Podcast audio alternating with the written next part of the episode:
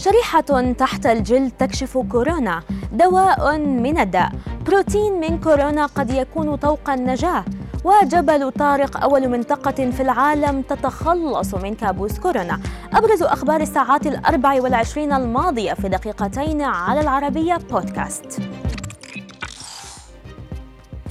ابتكر علماء في البنتاغون ضمن وكالة مشاريع الأبحاث الدفاعية المتقدمة داربا شريحة متناهية في الصغر يمكن تركيبها تحت الجلد للكشف عن الإصابة بفيروس كورونا.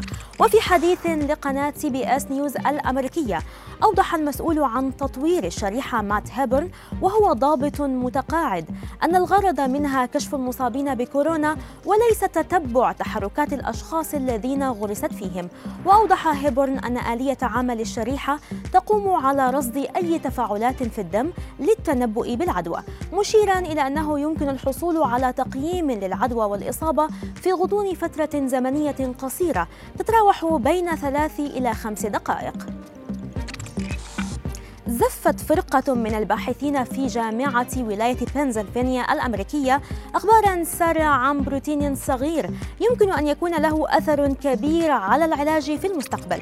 أفادت الدراسة بأن العلماء اكتشفوا أول هيكل كامل لبروتين nucleocapsid N الذي راقبوا كيف تتفاعل الأجسام المضادة معه من مرضى الجائحة مع هذا البروتين. وأوضح ديب كيلي أستاذ الهندسة الطبية الحيوية الذي قاد هذا البحث أنه من المحتمل أن تساعد العلاجات المصممة لاستهداف هذا البروتين في القضاء على الأعراض الأكثر قسوة أو الدائمة التي يعاني منها بعض المرضى.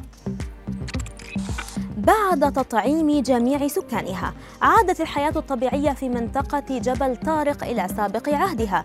وباتت إحدى أولى المناطق التي تكمل تطعيم جميع سكانها ضد فيروس كورونا.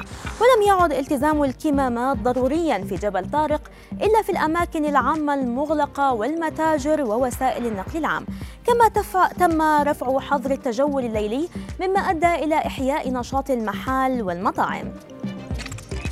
نشر موقع إكسبريس البريطاني نتائج دراسة طبية قام بها مجموعة من العلماء من معهد كارولينسكا السويدي.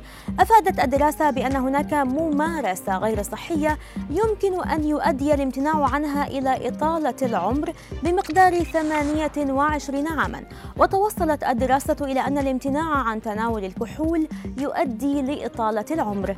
وما زال الأطباء يحذرون بشكل شبه دوري من الآثار السلبية للكحول إذ يزيد الكحول من خطر الإصابة بالسرطان والخرف والعجز الجنسي والعقم كما يؤثر سلبا على عمل القلب والدماغ والكبد.